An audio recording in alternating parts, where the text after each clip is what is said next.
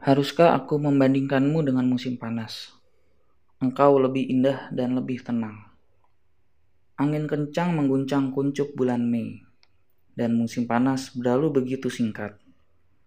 Terkadang panas matahari terlalu terik, dan sering kali sinarnya meredup, dan semua keindahannya kian memudar. Entah dengan kebetulan atau dengan perubahan iklim, namun keindahanmu tak akan pudar ataupun hilang dari dirimu.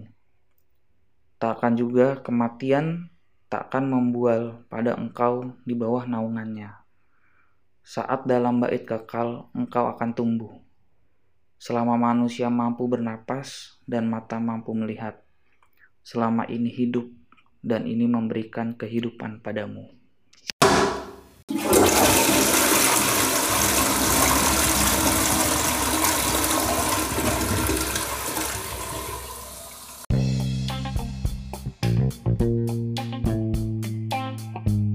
Kembali di podcast Gugus. Nah ini menarik sekali ya. Mungkin ini bisa dikatakan pertama kalinya gue mencoba untuk gue upload di YouTube ikut-ikutan jejaknya Mas uh, Setiawan ya Mas BB69. Uh, sekarang gue nggak sendirian ya seperti biasa ada tiga partner langsung dan sama-sama pengamat dan pecinta film. Dari yang pertama ini Mas Izul. Halo Mas Izul. Hai ini, malam semuanya. Halo, Mas Izul ini beda time zone ya. Di sana udah jam berapa, Mas? 2138. Oh, 2138. Jadi beda satu jam kalau di uh, Jabodetabek tuh jam setengah sembilan ya, waktu Indonesia Barat. Ya. Oke, terima kasih Mas Izul kedatangannya. Kemudian uh, dari lokasinya di Jawa Tengah ya kalau nggak salah ya. Mas Bre Alfian. Halo Mas Bre. Oh Mas Bre ini masih nge-freeze langsung saja kepada rekan kita ya sobat yang sudah lama Mas Setiawan BB69 halo Mas BB Hei hei hei, apa kabar nih Mas Gugus, Mas Izul, sehat semua ya? Baik. Baik. Nah ini uh, kemudian Mas Mas Bre udah udah connect lagi ya. Nah sebelumnya Mas, barusan. ya terima kasih. Oke sebelumnya Mas Tiawan nih, gimana kabarnya Mas Tiawan? Udah lama nggak ketemu nih kayaknya nih. Baru kemarin nih padahal ya. sehat sehat sehat sehat. Ya. Padahal baru kemarin ya. Sebenarnya uh, Mas Gugus nih yang paling repot nih dari dulu ini kita udah nyari beberapa yeah. film nih tapi nggak kesampaian terus nih. Ya begitulah. Masih banyak penyesuaian. Oke. Nah terus yang ini yang dari Jawa Tengah ya. Uh, dari Mas Bri Alfian. Dari channel sini aja. Halo Mas Alfian Halo Mas Gugu dari GRR Film. Baik, alhamdulillah kabarnya baik. Baik. Gimana kabarnya? Gimana kabarnya ini? Baik, luar biasa. Baik. Kemarin baru ketemu ya padahal ya, baru diskusi juga ya. Kemarin itu di channelnya Mas uh, eh, BB69 itu membahas soal Cruella ya, salah satu film baru ya di 2021. Kalau hmm. kalau channel sini aja itu kita karena baru ya baru ketemu itu bisa dinikmati review filmnya tuh di mana Mas Alfian? Boleh banget langsung cari aja di YouTube dengan ketik sini aja itu nanti bakal keluar uh, channelnya nanti warnanya itu tampilnya hitam ada tulisan sini aja sama gambar kacamata biru merah tuh nanti okay, suka aja di situ. Oke deh. Jadi silahkan ya langsung ke YouTube sini aja oleh Mas Bre. Kalau Mas Izul, Mas Izul review di, ya. Terus uh, review ada di hashtag Movie Review sama akun saya sendiri. Kalau Mas Izul ini di Instagram ya Mas ya? Ya banyak di Instagram. Di uh, nama channelnya apa Mas? Mas Zul? Nama cek nama akunnya adalah Real Jul at Real Jul. Oh ya, at Real Zul. Nah, kalau Mas Zul ini yang saya tahu nih uh, dia spesialisasinya drama Korea ya, drakor. Kalau berbicara tentang drakor nih jagonya nih Mas Zul nih. Nah, kalau Mas sepakat sepakat. Gimana? Sepakat drakor dan Meryl Streep segala sesuatu yang berhubungan dengan Meryl Streep. Oh iya, Ya, Meryl sinema Streep. klasik, sinema klasik. please. Kalau nggak salah bahas itu ya, bahas apa namanya The- Death Becomes Her ya. Nah, pokoknya ada Meryl Streep-nya.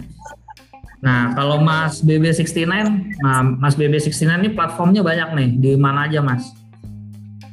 Uh, di YouTube di BB69 channel, terus habis itu ada di IG juga sama, terus di podcast beberapa podcast itu seperti di Anchor atau di Spotify bisa didengarkan di BB69 channel sesuai dengan yang tulisan di belakang. Oke, BB69. Kalau Mas BB69 ini baru kemarin tuh saya lihat di CNN Indonesia ya, bahas tentang Ini Gil mantap. Allah eh, superhero ya, luar biasa. Mantap Mas, Setiawan mantap memang. Sekarang emang luar biasa lah keren. Keren keren keren. baca, puji Tuhan lah. Oke. Nah, pada kesempatan hari ini kita itu sebenarnya membahas salah satu film yang menjadi juara Oscar ya. Eh, salah satu best picture dari Oscar tahun 2021 berjudul Nomadland yang disutradarai dan skripnya ditulis oleh Zhao. Salah satu eh, sutradara yang nantinya akan menyutradarai film Marvel ya.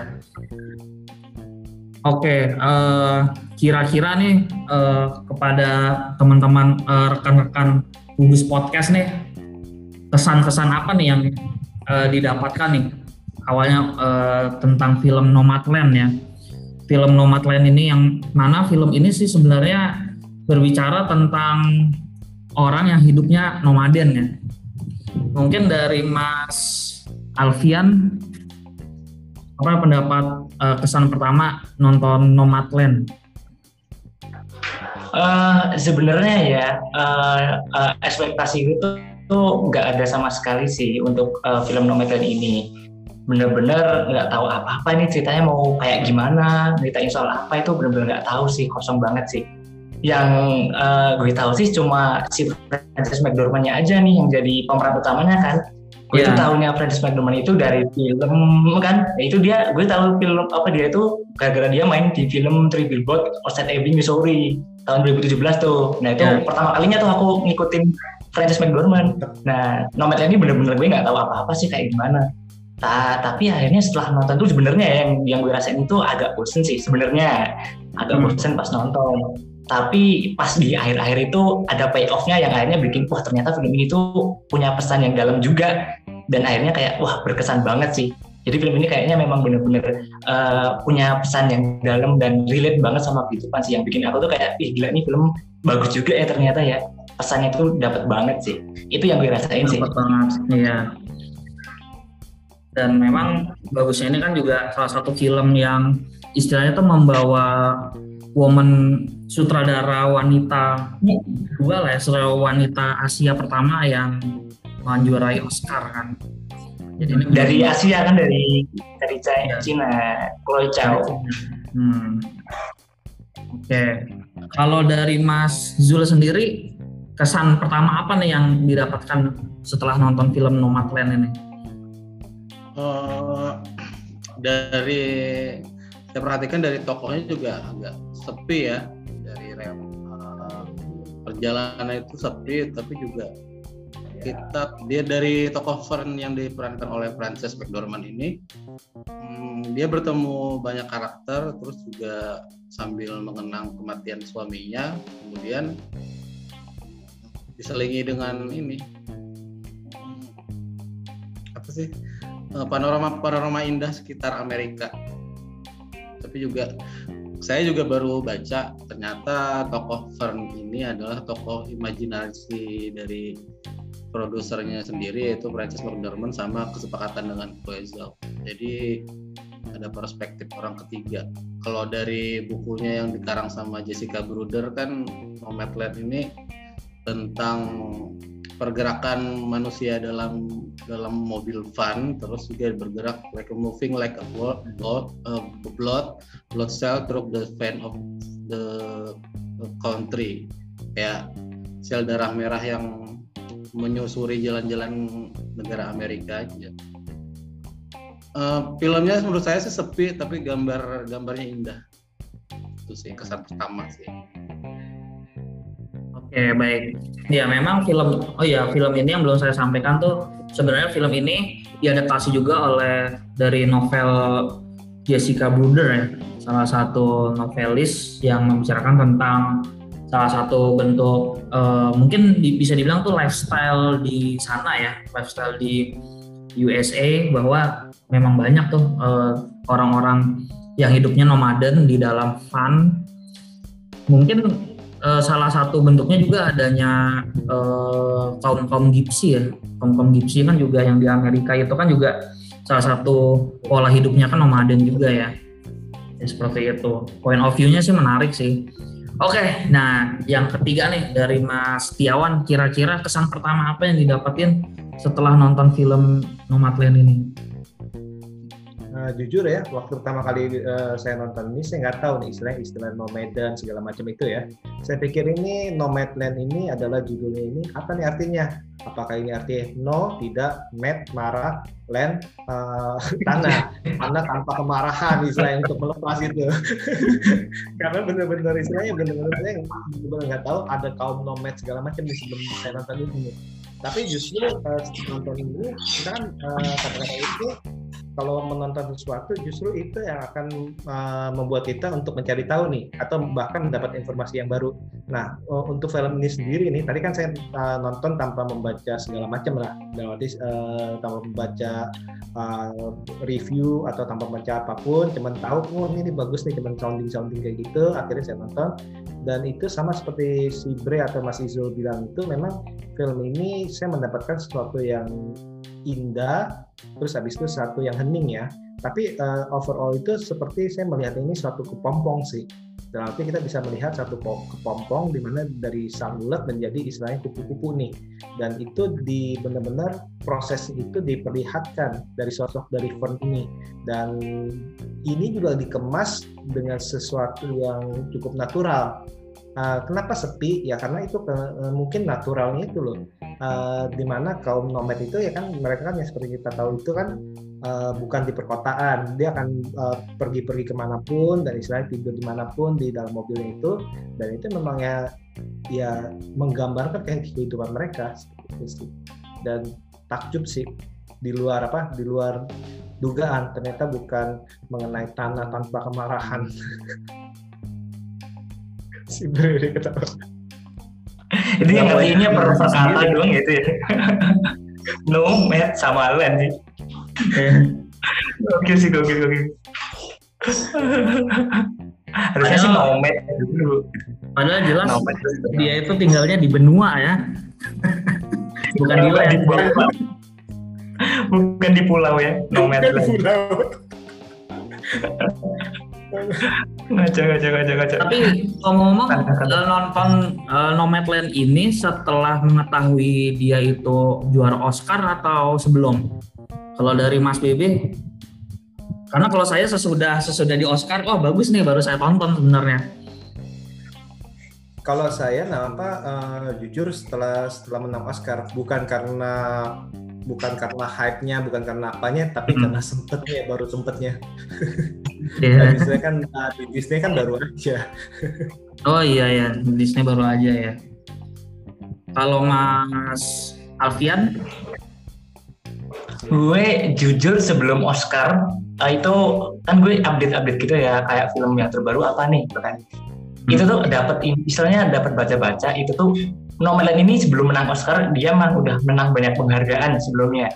Di hmm, yeah. Toronto International Film Festival terus di Venice Festival juga. Jadi kayak penasaran nih apa, apakah memang sebagus itu? Makanya apa gue tonton dulu tuh sebelum Oscar. Jadi gue tahunnya sebelum Oscar. Dan ternyata pas nonton memang wow pesannya bagus sih. Visualnya juga keren indah. Walaupun memang agak bosen agak ending juga seperti kata Mas Izul tadi. Tapi memang ya dapatnya setelah sebelum Oscar sih. Jadi kayak oh dan istilahnya menuju Oscar tuh kayak udah nebak-nebak itu ini pasti prediksi untuk menang Best Picture Oscar ada nih kesempatan. Walaupun kalau dari gue pribadi apa Oscar itu Best Picture gue pengennya Minari sih. Yeah. tapi ya udah pengen Minari sih. Tapi udah uh, istilahnya dia sering menang sih si Nomadland ini. Jadi kayak udah nggak apa sih Nomadland menang Best Picture Oscar. Oke oke aja karena memang filmnya juga bagus kok. Gitu sih. Nah menariknya Nomadland sama Minari itu menurut gua adalah yang satu itu orang yang idealismenya itu pindah-pindah tempat kan. Kalau Minari itu kan hmm. film yang idealismenya tuh dia harus netak di satu tempat tuh. Dia harus permanen kan gitu. Jadi uh, no, nomaden versus apa sih istilahnya permanen ya? Versus permanen. Permanen lupa ya, bahasa gitu. IPS-nya gimana. Ternyata yang nomaden yang menang nah hmm, kalau Mas sendiri ya kalau Mas sendiri gimana? Sebelum Oscar apa hype dari Oscar itu sendiri apa uh, sesudah? Sebelum apa sesudah? Sebenarnya kan tahun ini kan kayaknya tahun pandemi ya. Uh, shortlist Oscar yang masuk untuk Best Picture-nya juga saya lihat ini bagus atau layak tonton atau gimana sih? Saya tonton tuh satu-satu dari Minari terus uh, uh, Nomadland gitu. Sebelum ada sebelum dia menang Oscar sih, tapi udah menang di festival film yang lain. Yeah. Jurus sudah saya janjian sama teman ada sat, salah satu reviewer film juga di IG. Kita janjian mau nyaksikan Nomadland, terus Finari, terus Promising Young Woman, uh, apa lagi yang film hitam putih kayak Mang gitu yang tentang apa sih yang dibintangi sama Gary Oldman. Gary Oldman, David Fincher. Oh, jadi gara-gara dia itu masuk nominasi ya jadi ditonton satu persatu uh, apa namanya uh, Mazul itu uh, nontonnya ketika uh, Nomadland itu masuk nominasi Oscar ya oke jadi ditonton satu-satu kira-kira kualitasnya sejauh mana gitu. Karena ya. kalau gue sendiri sih kesan pertama uh, kalau melihat dari uh, covernya kan itu kelihatannya memang film sepi gitu. Maka dari itu kayaknya gue skip dulu nontonnya pada saat itu awalnya. Dan baru nonton ketika ternyata ternyata juara Oscar gitu waduh menarik juga. Dan ternyata si sutradaranya itu uh, yang akan menyutradarai uh, Eternals itu kan. Jadi menurut gue Sangsi, Sangsi. eh Sangsi bukan? Bukan ya? Eternals. Bukan. Eternals. Ya ada Eternals. Uh, di Eternals itu. Jadi wah menarik juga nih gitu. Maka dari itu gue tonton. Dan ternyata ekspektasi sepi apa slow burn yang yang gue pikirin ternyata nggak slow burn itu gitu. Gue pikir nomad lain ini benar-benar uh, si Francis sendiri gitu. Ternyata nggak sepanjang perjalanan dia ketemu orang ketemu satu gedung satu tempat satu dengan yang lainnya. Ternyata ternyata dinamika emosinya tuh uh, cukup beragam gitu. Menarik juga sih. Terlebih uh, yang me membuat kaget di film Nomad lainnya kalau gue sih uh, ininya ya apa namanya musiknya ya. Musik scoringnya bagus banget heartwarming banget termasuk visualnya keren banget adem ya? Setuju banget setuju setuju. Setuju. Ya di poin itu. Jadi keren sekali gitu film ini. Gitu sih. Mungkin ini tujuh tujuh daerah di US loh mas. Iya. Tujuh negara bagian ya. Dia itu benar-benar keliling tujuh negara bagian. Dan memang gedung-gedung dan lain sebagainya yang dia tempatin uh, benar-benar ada kan. Ada tuh yang apa ya drugstore ya. Hmm. Pas gua nonton hmm. drugstore itu gua langsung searching di Google, emang ada emang apa namanya uh, memang uh, apa namanya gedungnya itu ada gitu. Dan Amazon uh, iya kan waktu itu kan dia masuknya ke ke gudang Amazon itu emang memang dia itu memberikan beberapa kesempatan untuk orang-orang nomaden untuk bekerja di situ gitu.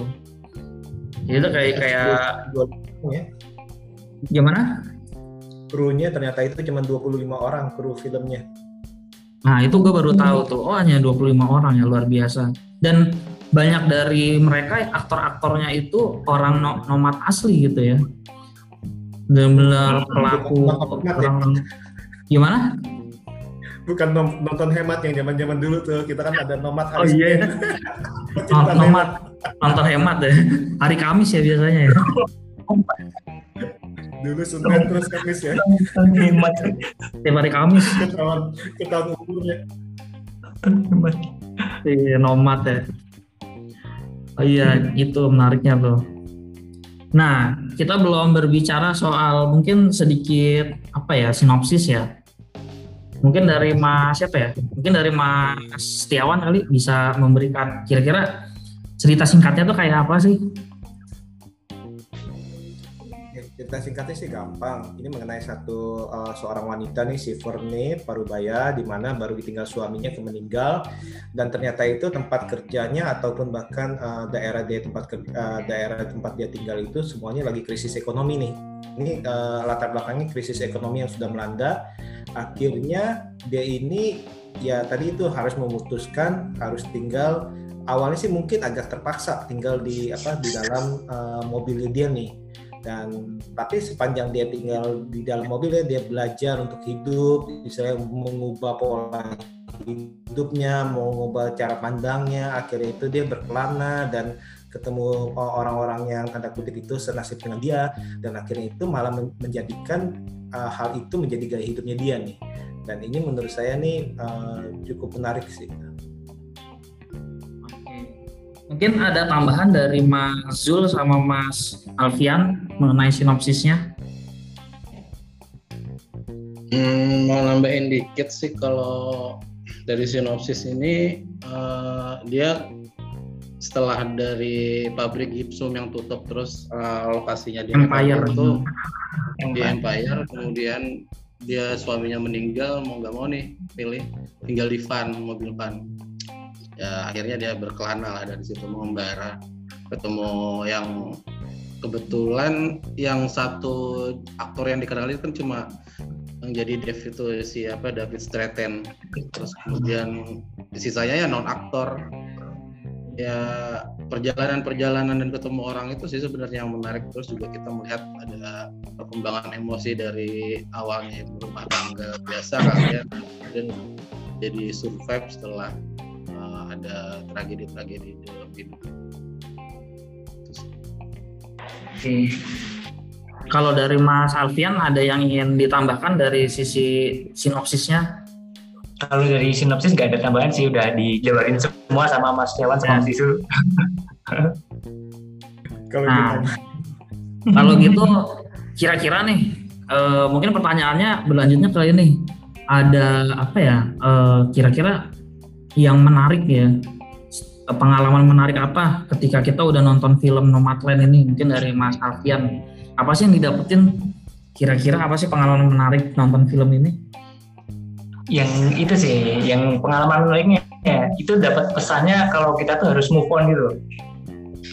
Kan itu kan dia perjalanan gitu kan. Kayak dia tuh uh, masih terbawa masa lalunya dia dia kehilangan suaminya habis itu dia nggak ada kerjaan balau gitu kan wanita parubaya sendirian lagi gitu kan hidupnya di van lagi. Terus pup pupnya juga pup di ember gitu kan di lanjut dapat pesannya kayak kita tuh harus move on gitu. Khususnya itu nanti ada di di bagian akhir, hampir akhir sih. Kesannya itu ketika dia omong-omongan sama Bob Swell itu gue bener-bener suka sama simboliknya yang ada di situ. Jadi di situ kan ada pohon kaktus yang udah berbunga.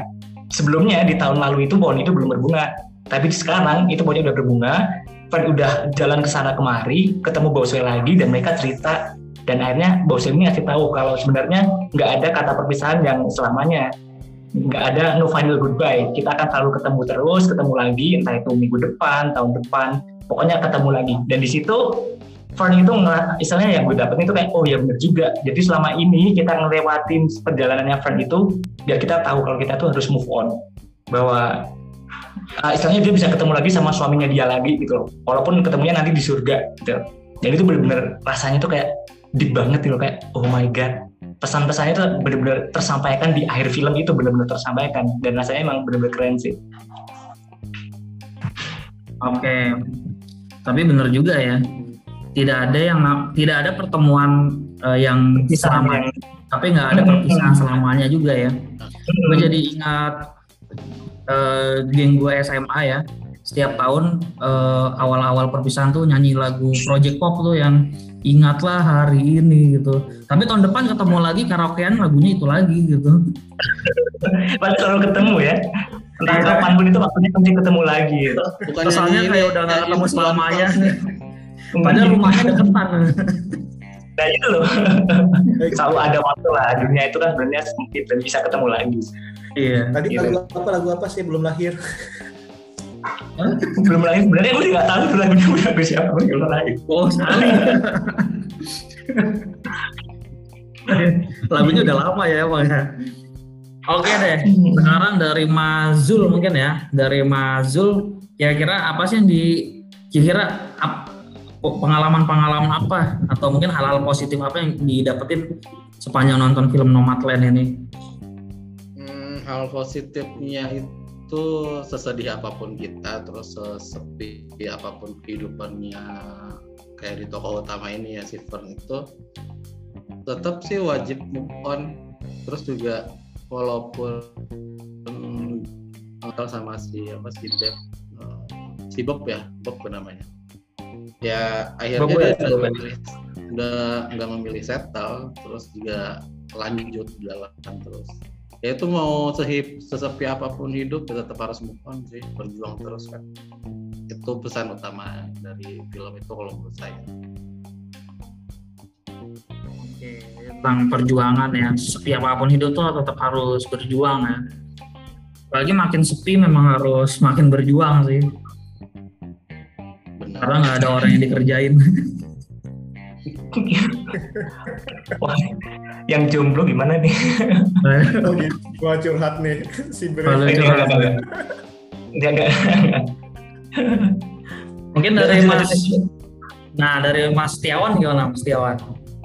Wah ini kayaknya sih ya udah kambil kambil semua nih Ci. Enggak.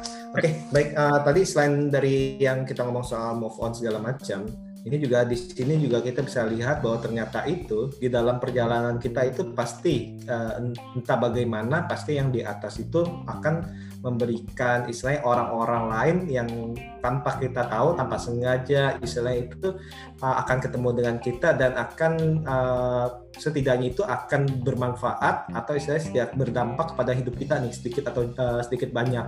Karena kalau kita lihat ini uh, si Ford ini dia ini dalam perjalanan itu bertemu dengan orang-orang baru tidak pernah dia kenal dan tidak pernah dia tahu dia nih belajar banyak hal nih. Nah hal itu kan menurut saya sih bukan kebetulan dalam itu ya kalau kita percaya nggak percaya itu ya sudah istilahnya sudah ada aturan dari atasnya nih.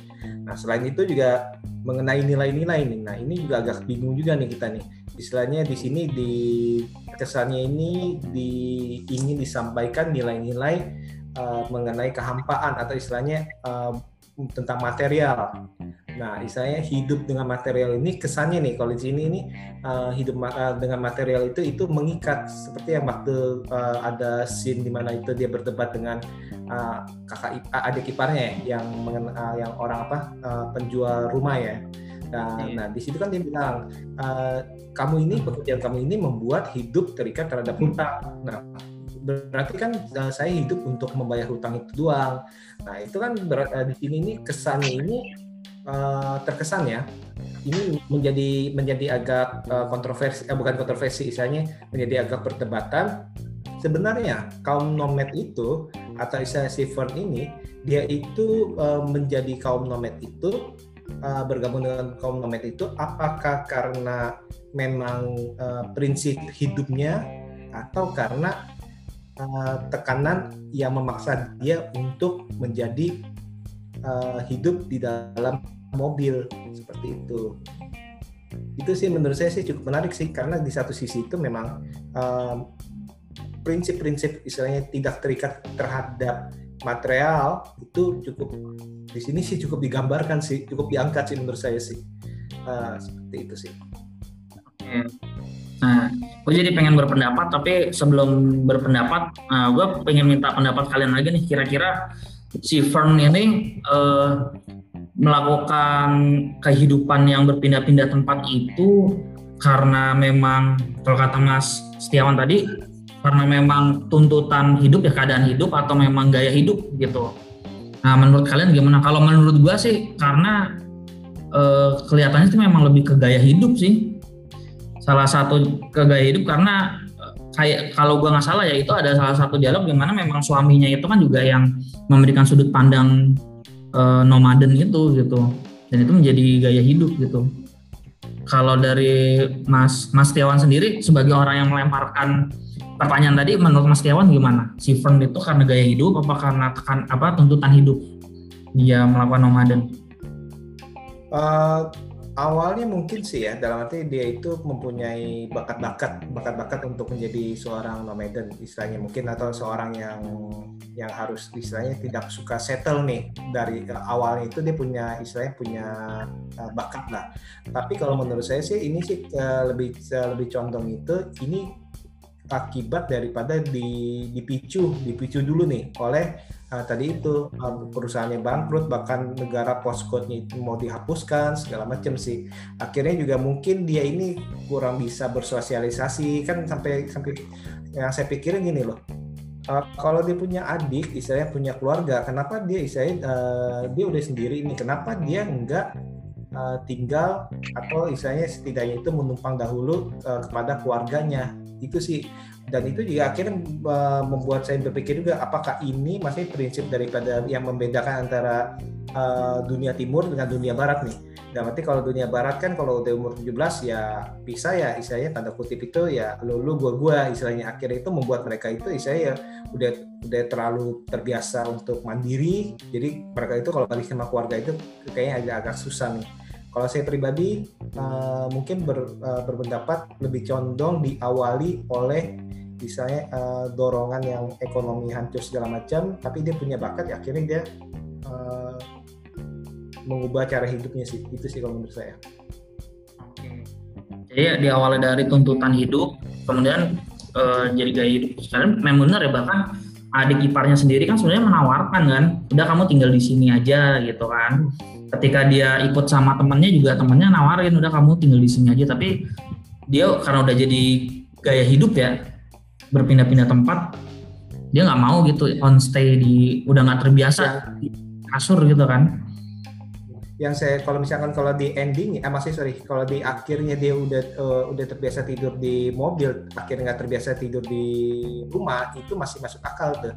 Yang yang yang agak jadi pikiran saya ini kenapa nggak dari awal kenapa nggak dari awal itu istilahnya uh, apakah uh, adiknya itu nggak tahu atau ke istilahnya dia menutupi uh, atau dia menolak. Nah seperti itu sih. Jadi istilahnya ya itu tandanya tapi kalau di akhir dia nggak nggak betah. Bahkan istilahnya tanda kutip itu dia itu lebih lebih memilih pisah dengan uh, orang misalnya cowok idamannya lah ya misalnya yang mungkin yang sempat ada percikan-percikan cintanya itu nah uh, mungkin karena memang udah pilih udah jadi gaya hidup dia nih seperti itu sih hmm. nah kalau Mas Gugus sendiri gimana Mas? Kalau Mas Rintal berarti kenapa nih awalnya itu tadi itu kan Mas Gugus bilang uh, lebih berpendapat bahwa memang karena dia itu punya punya gaya apa, hidup. Uh, punya gaya hidup dari awalnya gitu ya? Iya. Mas Gugus lebih karena dia kayak punya prinsip gitu semacam punya prinsip tentang nah itu menjadi salah satu base spot yang menggelitik sih buat buat gua gitu tentang apa sih lo punya duit lo investin ke hal-hal apa namanya lo investin ke suatu tempat terus lo berharap lo punya rumah impian yang nggak akan mungkin lo beli seumur hidup lo gitu. Ya mendingan lo hidup seperti gua gitu. Jadi jadi ya itu menjadi gaya hidupnya dia gitu. Dan itu menjadi salah satu prinsip yang menurut gue unik banget gitu. Dengan sosok Fern ini gitu. Makanya gue bilang itu gaya hidup. Karena jelas keluarga istilahnya banyak lah yang menampung yang ingin menampung dia hidup layak itu sebenarnya banyak. Nggak cuma satu orang gitu. Tapi dia nggak mau dia tetap mau di fun gitu Nah, ini ini kalau saya lemparkan mungkin nggak karena uh, perbedaan antara timur sama pola pikir nih. Kalau yeah. kita pola pikir sama pola pikir barat hmm. gitu dalam Mungkin salah satunya ya.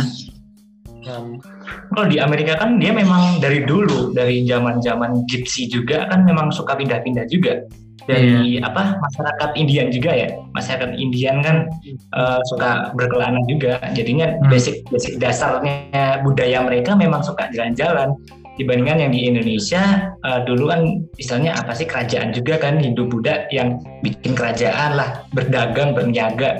Jadinya nggak pergi ke mana-mana kan menetap di situ. Jadi beda sih budayanya beda makanya yang dirasain pun juga beda. Jadi benar-benar istilahnya budaya Amerika kan diangkat tuh, makanya Oscar juga menang di situ karena budayanya diangkat juga sih.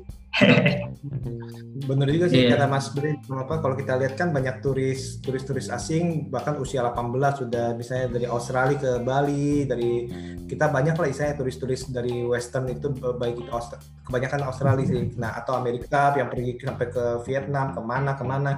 Ya mungkin sih itu mungkin kali ya uh, gayanya mereka itu emang suka traveling sih. Bener-bener. Kalau tapi kalau Mas uh, dari Mas Bre sendiri nih, Mas Bre Alfian sendiri, menurut Mas sosok Fernnya itu sendiri itu dia melakukan nomaden itu karena gaya hidup atau memang karena tekanan hidup? Pertama sih dari tekanan hidup dulu kan, karena uh, kotanya hancur kan, perusahaan gipsumnya misalnya bangkrut, akhirnya ya. dia terpaksa juga karena suaminya meninggal juga, dia terpaksa untuk uh, nomaden untuk pergi-pergi awalnya terpaksa kayak dia juga ambil barang-barang dari gudang gitu kan dia pergi. Dia merasa dia sebenarnya kayak merasa capek untuk jadi seorang nomaden gitu loh. Tapi makin lama kelamaan dia makin uh, ternyata uh, dia adapt adaptation gitu kayaknya. Dan akhirnya dia kayak jadi ya itu jadi kayak gaya hidup dan pikirannya dia itu kayak oke okay, sekarang aku jadi seorang nomaden ternyata enak juga. Makanya ketika disuruh balik ke rumah sama adik iparnya dia nggak mau jadi awalnya memang dari tuntutan dulu, tapi habis itu baru ke gaya hidup dulu. Bahkan di akhirnya itu kan uh, dia sempat balik ke rumah, lihat pemandangan di belakang rumahnya dia yang jauh itu ada gunung. Habis itu dia udah jalan lagi, dia kayak kita nggak dilihatin dia balik rumah lagi. Kayaknya dia memang nomad lagi. Karena hmm. sejatinya kayak kayak dia tuh menemukan sebuah rumah di nomad itu. Seperti yang dia kata juga, I'm not homeless, uh, I'm not home, I'm not houseless, eh gimana sih? Aku lupa. Homeless but houseless. Uh, itulah pokoknya gitulah. Jadi dia kayak merasa lebih berada di rumah ketika jadi nomad. Gak perlu tanpa ada sebuah materi bentukan rumah yang jadi. Tapi rumah itu adalah tempat dia nyaman tinggal itu sih. Jadi dia punya merasa punya rumah tapi memang nggak punya kampung halaman gitu lah ya. Ada sih pernah dulu.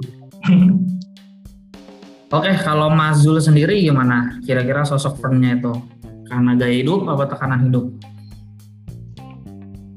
Nah, tadi nanggapin dari Mas Tiawan ya, kenapa saudara uh, iparnya baru nawarin di akhir-akhir setelah dia menjalani hidup setelah, uh, jadi hidup Ivan itu mungkin dari awal semenjak dia berumah tangga dia udah memilih jauh dari saudara-saudaranya. Kemudian uh, kematian dari suaminya terus uh, tutupnya pabrik gipsum itu jadi kemudian men-trigger dia lah buat jadi nomaden pilihannya untuk hidup mengisolasi diri sebenarnya itu pilihan pilihan dari dia sendiri. Uh, kemudian ya ketika jadi nomaden ya udahlah pengesahan dia aja udah setelah melegitimasi alasan dia aja karena udah tidak punya apa-apa lagi yang buat dipertahankan kan seperti suami atau kerjaan pekerjaan atau rumah ya dia memilih berkelana gitu. pilihan sih. Kalau menurut anda ini juga jadi jadi sempat jadi apa jadi pemikiran saya atau pengamatan saya nih Mas Isul nih kebetulan ngomong nih. Kalau menurut pandangan Mas Isul itu Fern itu orangnya itu uh, dalam hal sosialisasi gimana? Kita berarti uh, apakah dia ini termasuk orang yang istilahnya bu, bukan antisosial dalam arti oh. lebih tertutup saya lebih saya jarang jarang bergaul atau gimana apa apa itu mungkin yang menjadikan dalam arti ya melengkapi saya kesendiriannya itu. Mungkin tentunya kali dia bisa ngorek cerita dari pengalaman orang lain. Terus juga dia bisa membuat orang lain cerita tentang mereka ke dirinya tapi dia tidak bisa buat tidak uh, bisa membuka dirinya secara terbuka secara langsung pelan pelan bukan juga tipe yang antisosial tapi uh, mungkin jenis jenis uh, introvert kali ya. Lebih introvert tapi gitu mas. Okay. jadi sosok Fern itu kalau kita gali karakternya itu memang menurut Mas Zul itu lebih punya jiwa introvert ya. Tapi memang salah satu karakter introvertnya memang apa namanya ya memang terlihat sih dengan bagaimana dia itu walaupun dia mudah berbaur tapi dia punya ruang dia harus punya ruang sendiri gitu. Yang agak agak nggak suka tuh kalau orang tuh main masuk kalau bukan orang yang disetujuin. Gitu kan karena kan waktu itu sempat waktu pas apa namanya pas lagi beres-beres terus ada orang bantuin kalau memang itu barangnya dia sendiri lu nggak suka tuh dia tuh. Malahan waktu itu kan e, ada kesalahan tuh piring peninggalan bapaknya pecah kan gitu. Memang sih. Tapi itu yang mecahin Dev itu yang mecahin. Ya. Dev nih Dev ya. Ah. oke. okay. Kalau gue sendiri sih e, mungkin pengalaman pengalaman yang gue rasakan selama nonton film ini itu Mungkin kalau dari mas-mas bertiga itu e, berbicara tentang move on atau tentang istilahnya itu tentang pencarian apa sih namanya hati gitu ya. Kalau gue ngeliatnya malah lebih sebuah ide yang unik sih tentang sekelumit kehidupan ada orang yang hidupnya tuh mau berpindah-pindah tempat gitu. Itu yang ngebuat gue menarik dan menariknya lagi ternyata uh, nomad itu kan memang ada community-nya kan, memang ada komunitasnya dan komunitasnya itu sosialis tinggi gitu. Komunitasnya itu sangat komunal gitu loh. Gimana ya? Jadi tidak ada uh, privasi-privasi yang berlebihan gitu. Bahkan semua orang kalau lu butuh satu sama yang lain saling bantu membantu gitu. Jadi sangat komunal gitu. Ide itu sih yang menurut gua tuh menarik banget nih film ini gitu. Selain sinematografi dan lagunya ya bahwa ada loh satu bentuk kebahagiaan yang dia itu bahagia dengan cara saling berbagi gitu misalkan dia nggak butuh apa namanya ada orang nih kursi ada orang butuh kursi ya udah tinggal dikasih aja ditaruh tengah kemudian ada orang ambil jadi ada satu pola hidup yang tentunya membahagiakan juga yang itu tuh jarang ditemuin di Indonesia bahkan hampir dikatakan nggak ada gitu dan itu salah satu bentuk ide yang keren banget. Yang lebih kerennya lagi tuh ada satu scene di mana Fern itu bilang, ngapain sih lo menginvestasikan sesuatu uh, dengan rumah, dengan apa, dengan sesuatu yang nggak akan mungkin lo penuhin seumur hidup lo gitu kan. Ya mendingan lo melakukan uh, pola hidup nomaden gitu. Itu kayak satu ide yang diperkuat dengan argumen-argumen yang membuat bahwa uh, pola hidup ini tuh bener gitu loh. Bahwa pola hidup yang kebanyakan orang tuh salah dan yang benar tuh ini gitu. Jadi cukup um, merasuk sebuah ide baru aja gitu. Itu yang menurut gua kerennya tuh di situ sih. Nah ini ini uh, uh, kalau boleh nanggepin ya karena uh, ternyata itu ada beberapa beberapa reviewer atau beberapa suara suara ini justru uh, miring. Bilang uh, Wah, Mas Gugus lagi nge-freeze. Oke. Okay. Uh, jadi beberapa suara itu malah malah ber, bersifat miring bahwa bilang maksudnya ah ini aja nih untuk pem, uh, pembenaran aja nih istilahnya keadaan ekonomi sekarang lagi hancur, istilahnya banyak orang-orang yang beneran homeless loh, bukan houseless istilahnya bener-bener homeless istilahnya yang benar-benar terpaksa untuk tinggal di mobil karena emang dari dulu-dulu kan kita udah, udah tahu lah ah, itu hal yang udah biasa banyak banyak bintang film pun yang awalnya itu tinggal di mobil nih istilahnya ya kita bilang ya sekarang pun itu nah kali ini pun diangkat seperti ini kesannya itu uh, ada beberapa orang itu bilang ini mah cuma buat pembelaan diri aja nih padahal ini yang sedang terjadi ini banyak sekali krisis ekonomi yang membuat orang-orang jadi nggak punya rumah segala macam dan harus tinggal di mobil. Dan nanti dan ini cuman saya uh, cuman dibilang oh cuman diindah-indahin aja nih. Nah itu sih menarik sih Mas Gugus sih. Kalau menurut Mas Gugus gimana Mas? Uh, benar juga sih karena film itu kan sebenarnya di sisi lain kan alat propaganda ya apalagi Amerika ya kenapa Nomadland juara Oscar kayaknya ada korelasinya juga deh kayaknya deh. Gara-gara Mas Bebe ngomong gini, ya juga ya. Gitu. Tapi, dulu ada ada fakta yang uh, unik loh. Pas Oscar itu istilahnya ada orang-orang yang nomet juga di depan pelataran gedung Oscar lah dan itu diusir loh. Nah, justru itu Karena yang menang Nomadland gitu. Nah, ini kan justru kan yang jadi mereka bilang juga ini bayangnya ya nih aktor, kayak saya si uh, Francis, terus uh, Francis McDormand, terus habis itu si Chloe Zhao kan istilahnya bukan seorang nomad, terus habis itu di tengah-tengah uh, actingnya itu di tengah-tengah kaum nomad, terus dapat dapat istilahnya dapat piala dan kutip berpesta. Nah itu kan itu kan melang, istilahnya benar-benar bertolak belakang istilahnya. Dan Iya. apakah setelah itu mereka akan nah, tinggal seperti jadi nomad atau gimana lah itu atau mungkin disumbangkan nah, itu itu nggak tahu nah itu tapi suara-suara sumbangnya seperti itu sih Hmm. dan itu malah menarik menarik menurut saya Bisa juga ya. Tapi kan memang ya Francis doang sih yang yang dalam artian yang bukan nomad di dalam film itu malah justru si Francis doang mungkin ya. Karena kebanyakan terus, terus ada yang banyak jadi nomad. Jadi apa yang jadi adiknya kalau salah terus habis itu kan kru-krunya kan bukan nomad juga Iya juga sih. Tapi banyak aktor-aktor yang mereka dapat Oscar mereka kan berpesta-pesta ya, Berpesta di antara para nomad. jangan orang nomad ya balik lagi kembali ke kehidupan masing-masing seperti itu harusnya orang nomad jangan baper lah ya. Kalau bicara tentang menanggapi Mas tadi yang apa? Kenapa kemudian orang nomad diusir? Itu sama kayak kejadiannya kemenangan Slumdog Millionaire di Oscar 2008. Oh, oh, itu gimana sih? Jadi kemudian kan eh, mereka yang membintangi kan orang-orang kumuh yang di Mumbai kan. Tapi Hmm. juga eh, mereka hidup masih keadaannya kumuh, nggak ada ke nggak ada Jadi yang hal itulah yang kemudian dikritik dari karya Denny Boyle itu kenapa jadi menang Oscar. Terus eh, sangat menggambarkan kekumuhannya eh, Mumbai ya Mumbai. saat itu.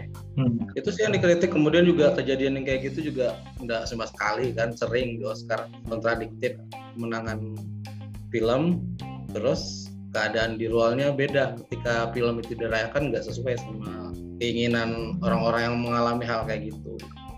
Sama kayak istilahnya pernah juga tim special efeknya live opai eh, honornya tertunda atau ada permasalahan kan itu agak kontradiktif. Sementara eh, visual efeknya menang Oscar gitu. Hmm. Terlepas dari itu alat propaganda atau bukan ya Tapi memang biasanya Oscar kan memang masuknya ke jalur-jalur kayak gitu. Apalagi memang katanya Mas Gugus tadi film kan memang buat propaganda juga. Untuk apalagi Amerika kan, jadi dia ngenalin Amerika gitu dari soal nomadnya, budayanya, apa visualnya Amerika nih ada eh, Arizona, Nevada, negara bagian yang indah-indah banget sih. Ke Amerika nih, habis nonton Nomadland pergi ke Amerika gitu, cobain jadi nomad. Itu nih propaganda. mungkin mungkin nggak istilahnya oh itu mereka bukannya miskin bukannya karena ekonomi kami lagi kacau tapi karena pilihan hidup mereka lo semua. Semua Nah, ngomong ya semua istilahnya. Jadi bukannya uh, kita tahu ada kalau gini kan kita mikirnya beberapa tapi kalau ini kesannya oh ini ya mungkin semua nih karena udah berpikiran terbuka bahwa istilahnya buat apa terikat dengan materi segala macam akhirnya mereka yang hidup-hidup di mobil di jalanan yaitu uh, karena pilihan daripada prinsip mereka bukan karena ekonomi loh gitu mungkin sih Makanya dikasih Bisa ini ya, bisa. dikasih argumen-argumen yang sangat bisa dikatakan tuh apa ya, menghipnotik, menghipnotis warga gitu ya. Jadi i- ngebuat warga tuh kayak ngeliatnya bener juga ya gitu ya. Tapi emang enak loh kalau setelah lihat nomor itu kayak jadi kayak pengen berkelana loh. Kayak lihat sunset di alam tuh kayaknya enak banget sih. Kayaknya seru gitu ya. Kayaknya ketemu orang baru, pola hidupnya tuh saling saling mengasihi gitu ya. Tapi kalau pas masuk scene apa yang sakit sendirian, nah itu juga jadi lebih mikir lagi sih. pup, pup di ember, pup di ember, tidur terus pup di ember sih mungkin bagi bagi orang-orang yang suka naik gunung sih udah biasa kali itu ya gali tanah, istilahnya pup Gali tanah. tanah terus di ditutup tanah lagi mungkin udah biasa sih. Tapi saya ngebayangin itu kalau misalnya kalau kita Steven nih tiba-tiba nih eh, dia itu sendiri terus habis itu dia parkiran sampai kedinginan istilahnya atau dia sakit nih ternyata ada cancer segala macam ya itu menderita ya meninggal meninggal sendirian ya. Hampir mirip ya, kayak film Into the Wild kali ya. Kalau Hmm, itu tapi di duluan sini tuh- di nomor sendiri kan? Ya, gimana mas? oh kalau di di nomor sendiri kan juga ada yang meninggalkan di situ kalau nggak salah siapa sih Hmm. Swank eh, siapa ya? Kan. Terus akhirnya dia naruh kalau aku meninggal taruh batu-batu ini di di di kuburanku di pem- pemakamanku nah itu kan kayak tuh kalau memang ada sisi negatifnya juga kayak Mas Setiawan tadi kalau sakit kalau kena cancer gitu. Tapi sebagian orang-orang yang nomad ini juga kena cancer juga. Apa dua tahun bentar lagi apa sih dua tahun lagi mati ya udah mending nomad gitu. Itu dengan apa? bucket list ya terus ya. Atau Mas Izul ya Mas Izul ya. Mungkin kayak bucket list kali ya. Nah, nanti kalau Iya, kayak di orang-orang bucket list. Enggak lah. Tapi bucket listnya nomad kasihan juga kayak. Kalau Asia kan beda, Asia tuh guyup, Nah, bukan uh, bukan individualis masa itu. Kalau kecuali di kota ya. Hmm. Kalau apalagi kita di kampung, makin mendekati maut, makin yang ngumpul-ngumpul lah. betul sih kalau kalau Asia gitu ya Iya. Mereka nggak mau tipikal. Asia Tapi memang Francis McDormand itu kalau nggak salah dia sampai 4 apa 5 bulan gitu sebelum film ini tayang dia itu untuk mengenali eh, komunitas nomad itu memang dia beneran jadi eh, nomad gitu. Dia selama lima bulan keliling keliling tujuh apa sih namanya tujuh negara itu latihan dulu jadi orang-orang orang-orang nomad itu gitu ya di sisi lain ada idealisme seorang artis lah ya ada idealisme seorang aktris gitu. Gitu. Oke mungkin selanjutnya ini mengenai apa ya besin ya. Kira-kira di film ini ada besin nggak sih yang bisa dibagi? Kalau kalau gue sendiri sih memang ya dari yang itu yang ketika si Fernnya ngomong yang tentang rumah itu yang waktu di apa namanya adik tiri apa eh, adik sepupunya itu ya. Kalau dari Mas Zul sendiri, kira-kira besin di film Nomad itu apa? Scene, scene pecah piring. Wah, itu bikin ini ya, bikin kayak kaget gitu ya, Ngesek sih. pecah. di, di- barang yang dijaga-jaga akhirnya pecah juga. Iya. Tapi kerennya bisa dilem lagi ya pakai ini kali, lem Korea kayaknya tuh. Ya, sempat di lemnya juga sih. Bisa dilem lagi loh.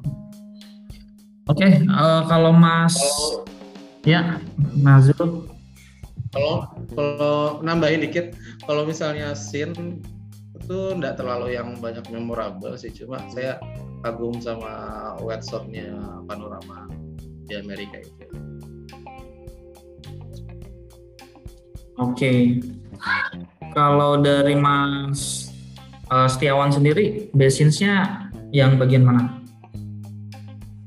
ya biasanya sih mungkin sih dua sih ya. Yang satu kan yang ngomong homeless but uh, not homeless tapi cuman houseless. Yang kedua itu yang di rumah itu. Uh, istilahnya uh, bahwa orang itu ya jangan terikat terhadap hutang karena dalam arti nggak masa sih mat- karena materi hidup lu terikat dari situ sih. Seperti itu sih kalau soal yang tadi nanggepin Mas Izul, ya saya setuju untuk keseluruhannya nih sebenarnya sinematografinya itu harusnya sih menang ya. Kesatuan ya, jadi ya bukan per scene ya. Tapi emang satu kesatuannya tuh emang membaur gitu. Maksudnya eh, kolaborasi antara musik, semuanya lah ya, musik, sinematografi bagus gitu ya. Kalau Mas eh, Bre Alfian gimana? momen yang paling pa- apa memorable ya yang favorit ya? Itu paling itu sih ketika Frances McDormand-nya ngomong sama Bob Swell sih. Yang ada simbolik uh, kaktus yang jadi berbunga itu itu benar-benar yang bikin aku terenyuh dan dapat pesannya sih di situ. Jadi benar-benar kayak dia ngomongin dari setiap perjalanannya dia dulu gitu ya, yang cuma sendirian doang nggak ketemu sama siapa-siapa di jalan di situ semuanya kayak jadi titik airnya itu di pertemuan dia sama Boswell yang akhirnya Francis McDormand tuh sadar itu benar-benar uh, memorable sih banget sih buat aku karena pesannya di situ juga dapet sih. Walaupun memang uh, istilahnya di segi sinematografi juga itu gue setuju banget itu harusnya menang sih. Tapi Oscar yang tahun tahun itu bener-bener uh, apa ya kemarin menangin Meng itu kayak ah ternyata yang menang Meng? Nggak nggak Nomadland itu kayak agak kaget juga sih. Padahal kayaknya prediksi itu visualnya gitu, ya. sinematografinya namanya itu bagus banget sih buat betahnya di situ agak bosan di awal tapi yang bikin betah tuh sinematografinya itu sih. Ya, jadi uh, kerennya lagi sebenarnya uh, selain sinematografi, editing filmnya tuh memang yang me mengepala itu emang siklonya sendiri gitu. Yang me misalnya menjadi quality control dari uh, editing filmnya itu sendiri emang siklonya itu sendiri. Makanya jadi kerennya juga di situ. Jadi sutradara dan memang dia ngerti banget tuh tentang kualitas visualnya gitu. Oke okay. oh, gitu. Oh, oh. Makanya kalau bisa eternal gimana? Eternal jadi bakal eternal kayaknya bisa juga jadi bakal keren deh kalau dipegang Chloe Zhao. Nah, nah bicara soal eternal nih Marvel nih ngomong-ngomong, jadi ketika Chloe itu juara Oscar, uh, dia kan dipuji-puji itu. Jadi ketika dipuji-puji kemudian banyak istilahnya kayak detektif-detektif Cina lah gitu ya di China sana. Di sisi lain mereka memuji karena memuji jadi hype ada yang rese gitu. E, kasusnya sama kayak apa sutradara James Gunn ya. Jadi kasusnya sama. Jadi ternyata di zaman dulu, di zaman dulunya tuh sempat ada salah satu si sutradara si Klonya ini ngomongin jelek tentang negara Cina gitu yang kemudian yang tadinya di Cina di di sanjung-sanjung tinggi eh, Nomadland ini langsung di stop sama pemerintah Cina mengenai hmm. ya, promosinya itu kasusnya. Nah ini yang menjadi eh, konflik di film Eternals ini. Soalnya kan Cina ini eh, pangsa pasar besar loh untuk film-film Marvel semua film pasar-pasar Cina itu udah udah jadi iya, makanya Amerika kan nggak turun ya. Dan ini jadi konflik gitu, yang jadi konflik percuanan ya. Jadi konflik percuanan gimana nih gitu. Sedangkan di Cina sendiri nih lagi ada aksi protes nih sama sutradaranya Nomadland gitu. Nah ini nih ini yang lagi rame tuh. Jadi seperti kalau dari Mas Gus sendiri kalau melihat uh, si kalau ini menyutradarai film superhero gimana Gus? Apakah ada uh, kekhawatiran?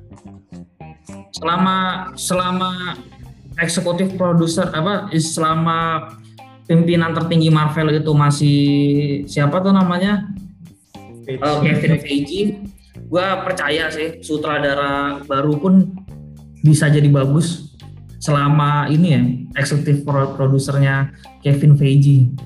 Tapi kalau udah bukan Kevin Feige ya mungkin sutradara mahal sekalipun sekelas Jackson Heather mungkin ya mungkin bakal jelek gitu. Karena Kevin Feige itu nggak pernah menghadirkan sutradara yang sudah terlalu mahal tapi nyatanya filmnya selalu jadi gitu. Dan selalu seragam gayanya. Ya kan paling kita sih gimana? Waktu itu kan kayaknya sama Ang Lee ya. Sama Hulk. Yang mana tuh? Untuk yang film apa? Ang Lee, Ang Lee. Hulk. Oh iya. Oh iya. nah, tapi pas masuk ke superhero ya jadi jadi begitu. Nilai nilai sebagai superhero paling gagal kalau Hulk. Karena Hulk itu eh, Marvel itu lagi percobaan tuh dia. Lagi pemulihan perekonomian dan lagi percobaan formula film dia emang lagi emang sengaja film itu emang sengaja duitnya untuk dibuang untuk untuk trial and error kayak gitu. Nah kalau di Indonesia sendiri, kira-kira pernah melihat ada orang yang pola hidupnya sama kayak Fern ini nggak? Kira-kira kalau dari Mazul nih, ini kalau dari luar luar pulau nih, ada nggak sih yang kira-kira tuh ada tuh orang nomad gitu di di sekitar Romazul gitu? Enggak sih, cuma uh, kalau di Indonesia sendiri kan nomaden itu nggak ada, yang ada transmigrasi, jadi nggak terlalu familiar mungkin ya. Hmm. Tidak dalam waktu yang singkat kalau menurut saya sih. Jadi Indonesia nggak familiar tentang cara yang hidup kayak gitu. Mungkin ada di beberapa suku di Indonesia, tapi kita hmm. apa ya suku pengelana kali ya. Tapi nggak nggak ngerti di mana ininya. Kalau di kita, ya. bahasanya paling banyak yang musafir, cuma familiarnya kita kan transmigrasi urbanisasi begitu yeah. begitu jadi cuman iya kalau musafir kan dia Ramadan dengan dengan tentang apa kayak kayak di film ini enggak ada Karena kalau musafir itu kan sebenarnya cuman dia memang perjalanan jauh, tapi ya setelah sampai ke tujuannya ya menetap juga gitu kan, kayak merantau gitu kan. Iya benar. Karena karena mungkin kalau, kalau pendapat Mas Bibi gimana? Uh, dulu saya sih uh, pernah jadi kaum nomad ya, nonton hemat. Apa? kaum nomad nonton hemat, hanya nonton bioskop kalau lagi diskon. Nah ini nih. Mas. Oke, oke. Secara serius nih, apa? Kalau menurut menurut uh, saya pribadi nih, kaum saya uh, pola hidup kayak gini di Asia mungkin jarang ya, nggak ada ya tapi karena Asia itu mungkin lebih tadi itu lebih keluarganya itu lebih erat ya seperti waktu tadi Mas Isu juga sempat ngomong dalam arti kalaupun ada orang yang pengen saya uh, menyendiri keliling-keliling itu justru kan uh, bagi kita dipertanyakan nih kenapa nih? Apakah ada sesuatu gak nih di dalam misalnya secara kesehatan mental nih? Kalau orang Asia malah berpikirnya seperti itu. Nah itu kok uh, setuju gak? Benar sih.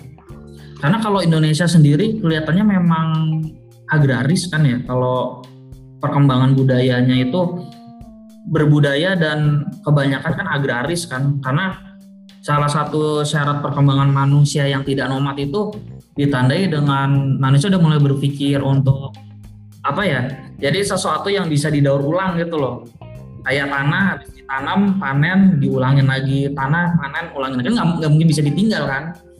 Bukan yang di diambil terus ditinggal nyari baru lagi diambil ditinggal bukan kayak gitu kan. Karena negara agraris jadi e, banyak yang menetap dan justru malah sangat menetap malah sangat antara satu pemukiman dengan pemukiman yang lain bisa budayanya bisa beda jauh kan karena saking tidak nomadnya gitu. Bahkan bahkan kurang open minded kan. Kalau Indonesia malah berkebalikannya ya menurut menurut gua sih jadi kurang open minded karena terlalu tidak nomad gitu loh. Uh, atau mungkin terlalu subur kali tanah Indonesia. Jadi istilahnya kalau mungkin kan kalau misalnya kalau dulu kan misalkan kalau di padang pasir misalnya padang gurun istilahnya wah ini udah ini ya udah kita pergi berkelana lagi nyari yang istilah istilahnya nyari yang sampai sampai ada ini sampai ada yang bisa ditinggalin sih. Mungkin kalau Indonesia dari awal ya negara yang kaya sih negara yang subur sih jadi sudah menet, terlalu menetap ya gitu ketemunya lu lagi lu lagi jadi kurang apa namanya ya jarang berkelana gitu ya. Nah, udah di satu titik ya udah udah ya udah udah enak aja gitu udah ketemu ketemu apa namanya udah sumber kehidupannya aja gitu kan. Tapi kalau gue baca di internet sih e, memang ngomongin soal nomaden ya itu memang di Rio itu ada namanya suku Sakai yang mana dia itu melakukan perjalanan hidup nomaden tapi ya di hutan gitu di hutan satu ke hutan lain gitu. Oke okay, uh, eh, mungkin uh, pertanyaan terakhirnya sih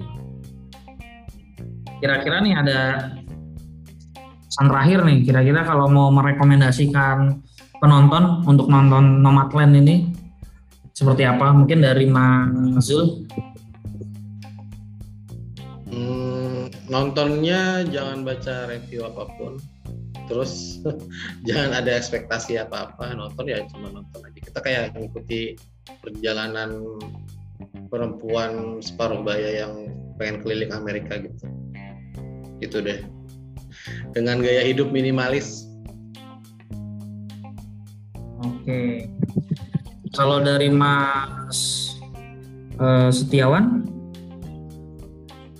Kalau kalau kalian ingin mendapatkan uh, film yang istilahnya yang dengan istilahnya emosi yang naik turun, istilahnya terus habis itu dengan naskah yang uh, konflik-konflik yang bombastis, ya ini bukan untuk kalian.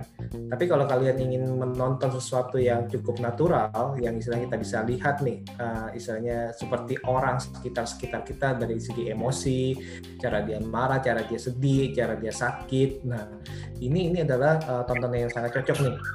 Kalau kalian sangat suka dengan uh, film yang dengan pemandangan sinematografi yang wah banget lah. Ini benar-benar memanjakan mata apalagi dengan tadi Mas Gugus bilang itu dengan musik yang mendayu-dayu lah misalnya dan yang sangat menyejukkan uh, telinga dan menyejukkan hati. Ini untuk kalian.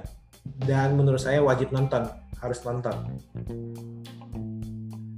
Baik, terima kasih Mas Tiawan. Mungkin dari Mas Alfian sudah bisa berkoneksi? Uh, videonya udah nyala belum? Ya, udah lancar. Uh, videonya belum. Nah, ini udah. Tadi ada gangguan HP-nya ngedrop. Iya, sama. Mau ikutan tuh Mas Trio? Uh, pertanya uh, pertanyaannya gimana tadi? Uh, kira-kira uh, rekomendasi buat yang mau nonton Nomadland uh, seperti oh. apa? Uh, bagi yang mau nonton Nomadland, kalau yang nggak suka drama yang slow burn, yang agak lambat ceritanya itu mungkin bakal bosen banget sih nonton film Nomadland ini. Tapi wajib ditonton sebenarnya karena dimanjain sama visualnya. Baik. Masih lagi ya? Enggak, enggak, enggak. Enggak, lancar, Iya, pokoknya dimanjain sama visualnya, sinematografinya, dan pesannya itu dalam banget. Dan itu sih, dikit aja ya, maksudnya nanti takutnya mati lagi. Oke. Okay. Oke, okay, terima kasih Mas Alfian. Mungkin kalau dari saya sih, ya intinya kalau kalian tahun ini udah nonton film Army of the Dead, ya, pokoknya film-film action-action tapi banyak plot hole. Nah, mungkin boleh purifikasi dengan nonton film Nomadland yang lumayan yang sangat bagus gitu ya yang sangat dari segi sisi tuh bagus banget sih. Kalau menurut uh, apa namanya gue dan banyak uh, review juga bilang bagus. Juara Oscar tahun 2021 dan tentunya ini momentum di mana kita bisa merasakan uh, sebuah karya dari istilahnya itu dari Asia ya dari Asia wanita pertama di dunia yang juara Oscar gitu. Nah, nontonlah Nomadland. Dan filmnya memang sangat relate dengan banyak hal uh, slice of life di dunia gitu, bukan film science fiction atau film-film yang hayalan gitu. Mungkin di situ sih. Trio ya, ya. Apa kabar Mas Trio? Ya, ya baik Mas. Ya, baik semua. Uh, mau nyampein nih, uh, maaf banget ini ternyata emang dari nya terus nanti ngeblok terus nih jadi untuk dari BDB dan Alfian Alfian Deni Oke oke siap. Oke. Ya, makasih banyak Mas Satrio.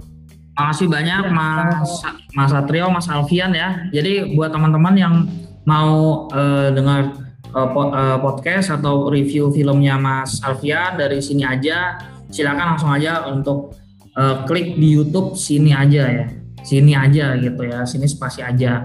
Kalau Mas Tiawan di BB69 channel ya baik di Spotify ada di YouTube juga ada.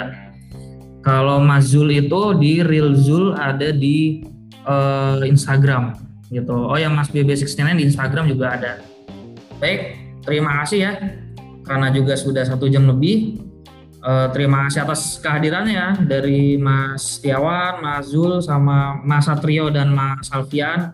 Terima kasih banyak udah mau digangguin malam-malam. Terima kasih. Uh, ya gitu deh. Bye bye.